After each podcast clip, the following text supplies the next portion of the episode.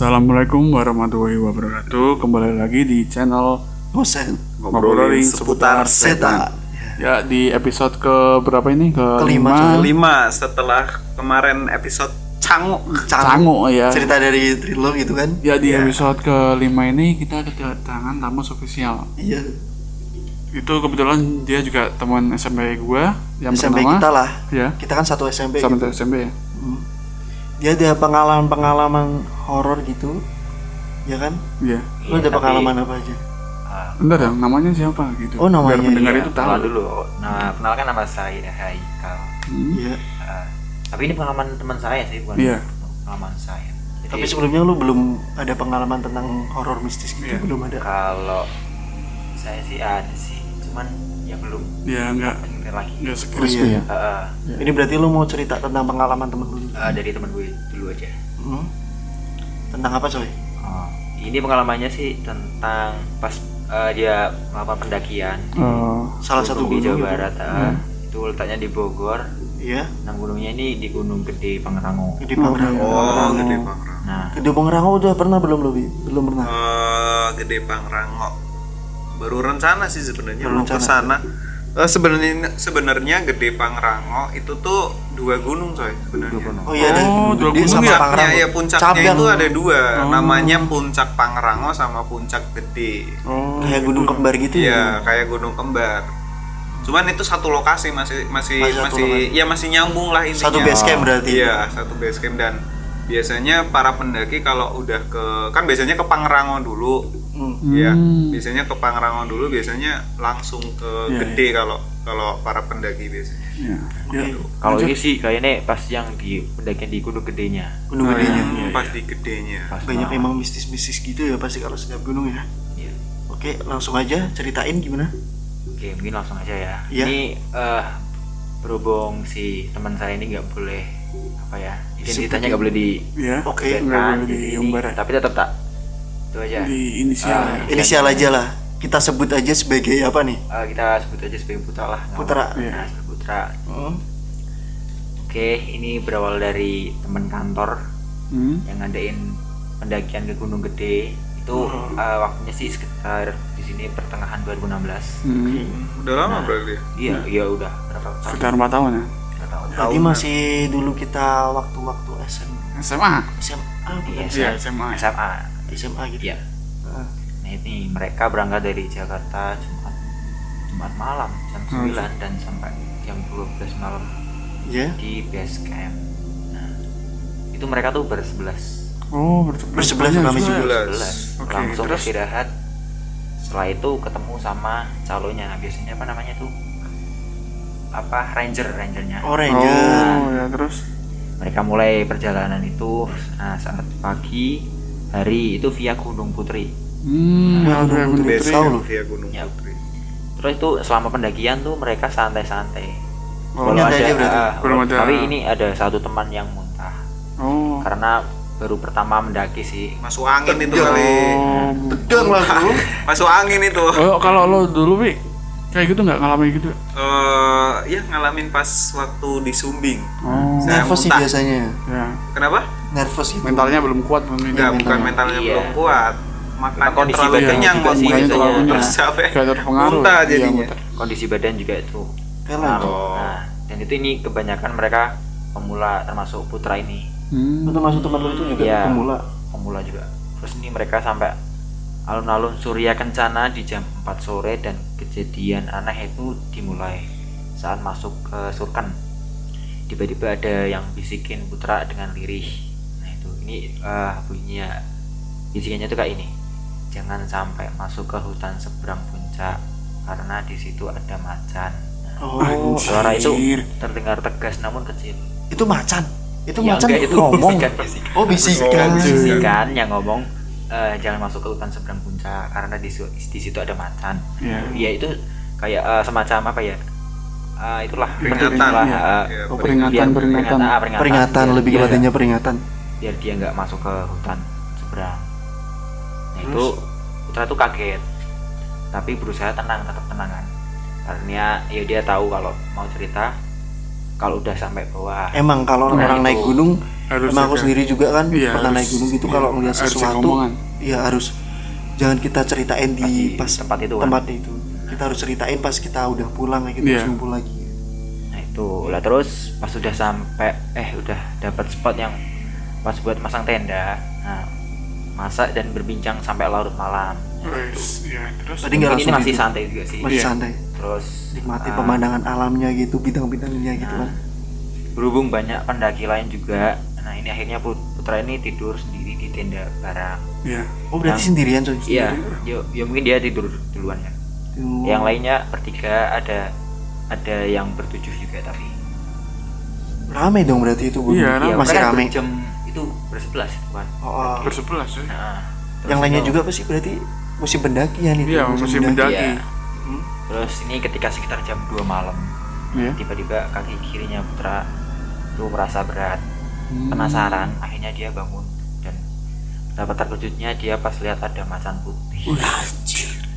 macan putih itu di ya? dalam tendanya berarti pas dia tidur tuh pas dia tidur Eh, kayak enggak sih dia tuh ya mungkin eh, dari kelihatan dari apa pintu Oh. pintu eh, tendanya itu ya nah itu terus dia kan bingung kan dia harus Ah. berbuat apa kan. Ditambah lagi ini ada macan putih besar sebesar rumah di belakang tenda teman-temannya Putra Anjir. gede banget dong. Ini. nah itu. Itu Ya, bukan- setara itu. mikirnya Ya. pasti orang lain tuh langsung mikirnya anjir ini macan bukan apa macan. apa? Apa nih? Macan putih. Macan biasanya putih ya ya macan putih. Iya. Kalau nggak salah di situ kan eh, masih deket sama Gunung Salak sebenarnya Gede Oh, Pangrango oh. gitu. Dan Nah, eh, Salak. mitosnya sih sebenarnya eh, Gunung Salak sama Gunung Gede Pangrango itu tuh eh, masih wilayahnya eh, Prabu Siliwangi gitu dan Prabu Siliwangi itu punya macan itu? Macan putih. Oh. iya macan putih gitu. Ada lukisannya juga sih pernah denger sih. Eh pernah denger pernah lihat sih aku. Iya. Prabu Siliwangi bersama macannya itu di belakang. Nah. Nah, itu Lanjut, Coy. itu kan berarti kan itu macannya kayaknya ukuran besar sih. Serumah itu Nah. ya. Nah. terus karena tenda mereka tuh tiga saling berhadapan Hmm. nah, tapi macan itu hanya diam nggak melakukan apa-apa. Seperti hanya ya cuman mengintai aja. Kayak ngendus-ngendus gitu juga? Ya iya. Terus si putra ini hanya bisa berdoa. Berdoa semua yang ia tahu. Nah soalnya kan dia nggak mungkin ngomong di situ kan. Heeh. terus nggak lama ada kakek-kakek berambut putih yang pakai baju orang lama ya mungkin kayak baju adat Oh, baju ya. adat. Baju adat. terus tanpa permisi atau berbicara si kakek nyamperin tendanya tenda si putra itu hmm? dan ngangkat macan putih itu oh Anjing, ngangkat tuh ngangkat Ngangkat ya? ngangkat macan segede gitu diangkat ya nah kuat dong kuat ya? nah jadi terus ketika semuanya tuh hilang entah ke mana Hmm. dia cuman ngelihat se itu sekilas berarti Iya, ya mungkin sekilas terus dan gak ada jejaknya sama sekali. Oh. Jadi itu temennya pada nggak pada ngeliat nggak pada apa-apa tuh? Nggak mungkin kayak pas ini yang lihat cuman si putra. Berarti cuma diem doang? Nah si Hmm. putra ini rasanya hanya membisu. Ini Membisu. ngeliat tuan kaget lah pastinya. Ya mau kaget gimana juga dia masih harus jaga itunya kan. Bercakap jaga Kayaknya ucapan juga ya harus tetap santai kan. Hmm. ya terus? Nah itu terus akhirnya si putra pun ini gak bisa tidur kan gara-gara Iya. lihat itu sampai pagi terus dia pengen banget cerita ke teman-temannya tapi dia masih nahan dulu karena kalau cerita takutnya mereka malah panik Hmm. nah teman-temannya iya. malah panik kacau kan Benar. jadi ya. terus mereka muncak jam 11 dan lanjut lintas turun via Cibodas oh kejanggalan mulai terjadi lagi pas turun itu Nah ini pas Oh. eh, yang pas turun ini ada kejanggalan lagi ketika mereka sampai di tanjakan setan. Nah, Tanjakan setan. Tanjakan setan terkenal Berarti terkenal. terkenal di gunung gede Iya. itu terjang ya Eh, sebenarnya tanjakan setan itu kurang tahu juga sih. Eh, tapi kayaknya eh kayaknya sih tanjakan setan itu ya medannya, medannya kadang eh, orang kan kalau eh capek di gunung kadang ngupat setan tanjakannya tinggi banget bikin capek. Oh, ya iya. mungkin kayak gitu, mungkin. Nah, Ah, jadi ini di sini mereka tuh ngantri karena banyak pendaki yang turun kan terus itu mereka si Putra dan teman-temannya itu ngalah sambil ngambil foto di tempat ini Oh iya. jadi Jadi mereka sempat juga bersuah foto juga. benar Ambil foto juga. terus Heeh. Terus saat mau ambil gambar itu anehnya sensor wajah di kamera muncul tiga wajah Wih, Nah, biar kalau tahu kan kalau misalkan Iya, di kamera kotak-kotak itu kayak gitu kayak biasanya. kotak-kotaknya itu muncul ada tiga wajah Terus? yang satu temen itu Hmm. yang dua tuh lagi eh yang satu temen saya yang dua lagi wajah cewek pucet matanya putih anjir. Itu berarti kelihatan di kameranya. iya iya berarti Hmm. Lu dikasih lihat fotonya nggak ada nggak? Eh, di sini sih belum ada sih Belum ada Nah, fotonya. mungkin ya nggak enak kalau misalnya di kan Iya. terus ini mereka duduk di bawah sambil liatin orang orang yang turun tapi nggak ganggu sih Oh. Nah, berarti kan dia cuma liatin.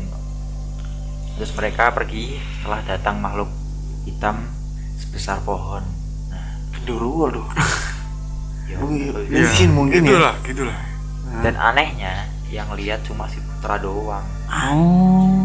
Terus Teman-temannya itu Gimana? berarti nggak Nggak- pada nggak lihat iya, berarti ya? jadi emang pengalaman ini tuh yang banyakan yang lihat tuh berarti si Putra. Si teman lo itu. Nah, terus dahal dia nggak bisa lihat gituan. Oh, padahal dia nggak bisa lihat gituan sebelumnya. Iya. Jadi dia tuh bukan anak indigo. Oh, bukan anak Diko tapi bisa lihat kayak gituan. Nah, itu. Berarti emang dikhususkan di situ tuh dia ngelihat sesuatu yang janggal-janggalnya itu. Iya. Dan sebelumnya dia nggak pernah melihat apa pun. Iya, selama di momen Selama hidupnya mungkin itu nggak selama hidupnya tuh belum pernah lihat makhluk ya yang Berarti pertama kali dan langsung diliatin kayak gitu loh, Con. nah dan Mantap. banyak ah hal-hal yang yang dilihat, ah, tadi. dilihat sumpah nggak cuma sekali berarti kan di sini Iya. ngeri banget sih. nah terus tapi ini alhamdulillah mereka selamat turun dari tanjakan setan Hmm. Alhamdulillah. tapi entah kenapa si putra ini habis turun dari tanjakan setan dia malah bisa lihat hal-hal aneh Berarti dari mulai dari situ Dari Iya. mulai tanjakan setan itu ya bisa walaupun melihat samar-samar ada kuntilanak Hmm, ada genderuwo Iya. terus anak kecil lari-larian dan makhluk aneh lainnya Hmm. dan putra rame berarti itu eh, di ini ternyata yang bisa melihat nggak nggak cuma putra doang tapi sini sih ada Barep dan Andi nah ini salah satu temannya juga berarti Itu juga nama ngeliat. disamarin juga Iya. si teman lo. Eh, terus ini akhirnya mereka sampai di kandang badak eh, buat ngisi tuan ngisi botol Mhm. ini lagi-lagi ini ada dia lihat Ada kejadian lagi Ah, ada di kejadian kejadiannya banyak banget berarti. nah ya. ini dan putra ini ngelihat ada cewek cantik Ah, pakai baju adat Jawa Oh. Jawa Sunda nih eh, gender Jawa Sunda berarti kemben-kemben gitu ya? bukan? Iya. Iya. Terus terus pakai selendang kuning anehnya dia berpijak di atas air dan Hmm. ini hanya putra yang lihat Temennya nggak lihat. Nggak Itu lihat. Berarti Putra belum cerita sama teman-temannya dong. itu juga belum jadi masih di juga mau cerita aja. juga Masih dipendem. ya. nah terus lanjut perjalanan sampai Cibodas alhamdulillah nggak ada gangguan lagi Iya. nah terus sampai di warung Mamang Iya. atau ya katanya di sini sih lupa namanya nama warungnya itu lupa terus ini Putra penasaran apa yang dialamin tadi malam akhirnya diceritain ke Mamang ini warung, Ah. warung ini dan anehnya si Mamang mengiyakan semua ceritanya Putra itu yang Oh. dia lihat tuh Iya. Mamang itu ya Temen mengiyakan lu berarti nggak kuat coy, nggak bisa iya dipendem. iyalah kayak namanya keresahan di- Iya. Mm-mm. Kan Jiwa itu gitu kan. diceritakan di udah turun. Ya, pas di Iya. warung mamang ini. Nah, dia dia tuh membenarkan kalau di hutan di seberang itu puncak memang serem, Hmm. serem banget Win. Semua yang dialami itu putra itu sudah bisa ditebak. Iya. Nah, terus sama mamangnya. Jadi mamang itu juga udah bisa nebak lah. Mm. Kalau Karena masih- orang ke sana asli kan itu. Iya mungkin Terus terus jadi tahu lah. jadi tau lah. Ya mungkin dia juga udah lama di situ kan mamangnya. Hmm. Udah biasa kalau dengar yang gituan. Nah ini pas Putra bilang ada cewek cantik, si mamang langsung nyamber. langsung nyamber ngomong kan berarti ini bilang gini yang pakai baju kebaya sama selendang kuning kan? Nah di situ begitu kata si mamang dia juga nebak lokasi-lokasi di mana si putra melihat makhluk-makhluk aneh dan itu benar. Memang memangnya ternyata memang hafal karena setiap pendaki yang mengalaminya diceritakan di tempat mamang itu. Oh. oh berarti iya benar. Jadi yang biasa mendaki di situ eh, kebanyakan ceritanya di mamang ini. Terus btw memang itu juga sudah biasa sudah biasa, biasa. ditakuti Hmm. makhluk tersebut hingga menjadi teman Iya. tapi serem banget sih Jadi ceritanya sih berarti kayak tempat itu tuh spot itu udah kayak tempat biasa sih Iya. udah biasa. Udah biasa biasa, penampakannya di lihat. situ Eh, Emang pusatnya berarti itu. Hmm. Emang Iya. pusatnya kayak point of view-nya lah titik kumpulnya gitu kan di tempat itu. Terus ini memang ini juga menasehati mereka.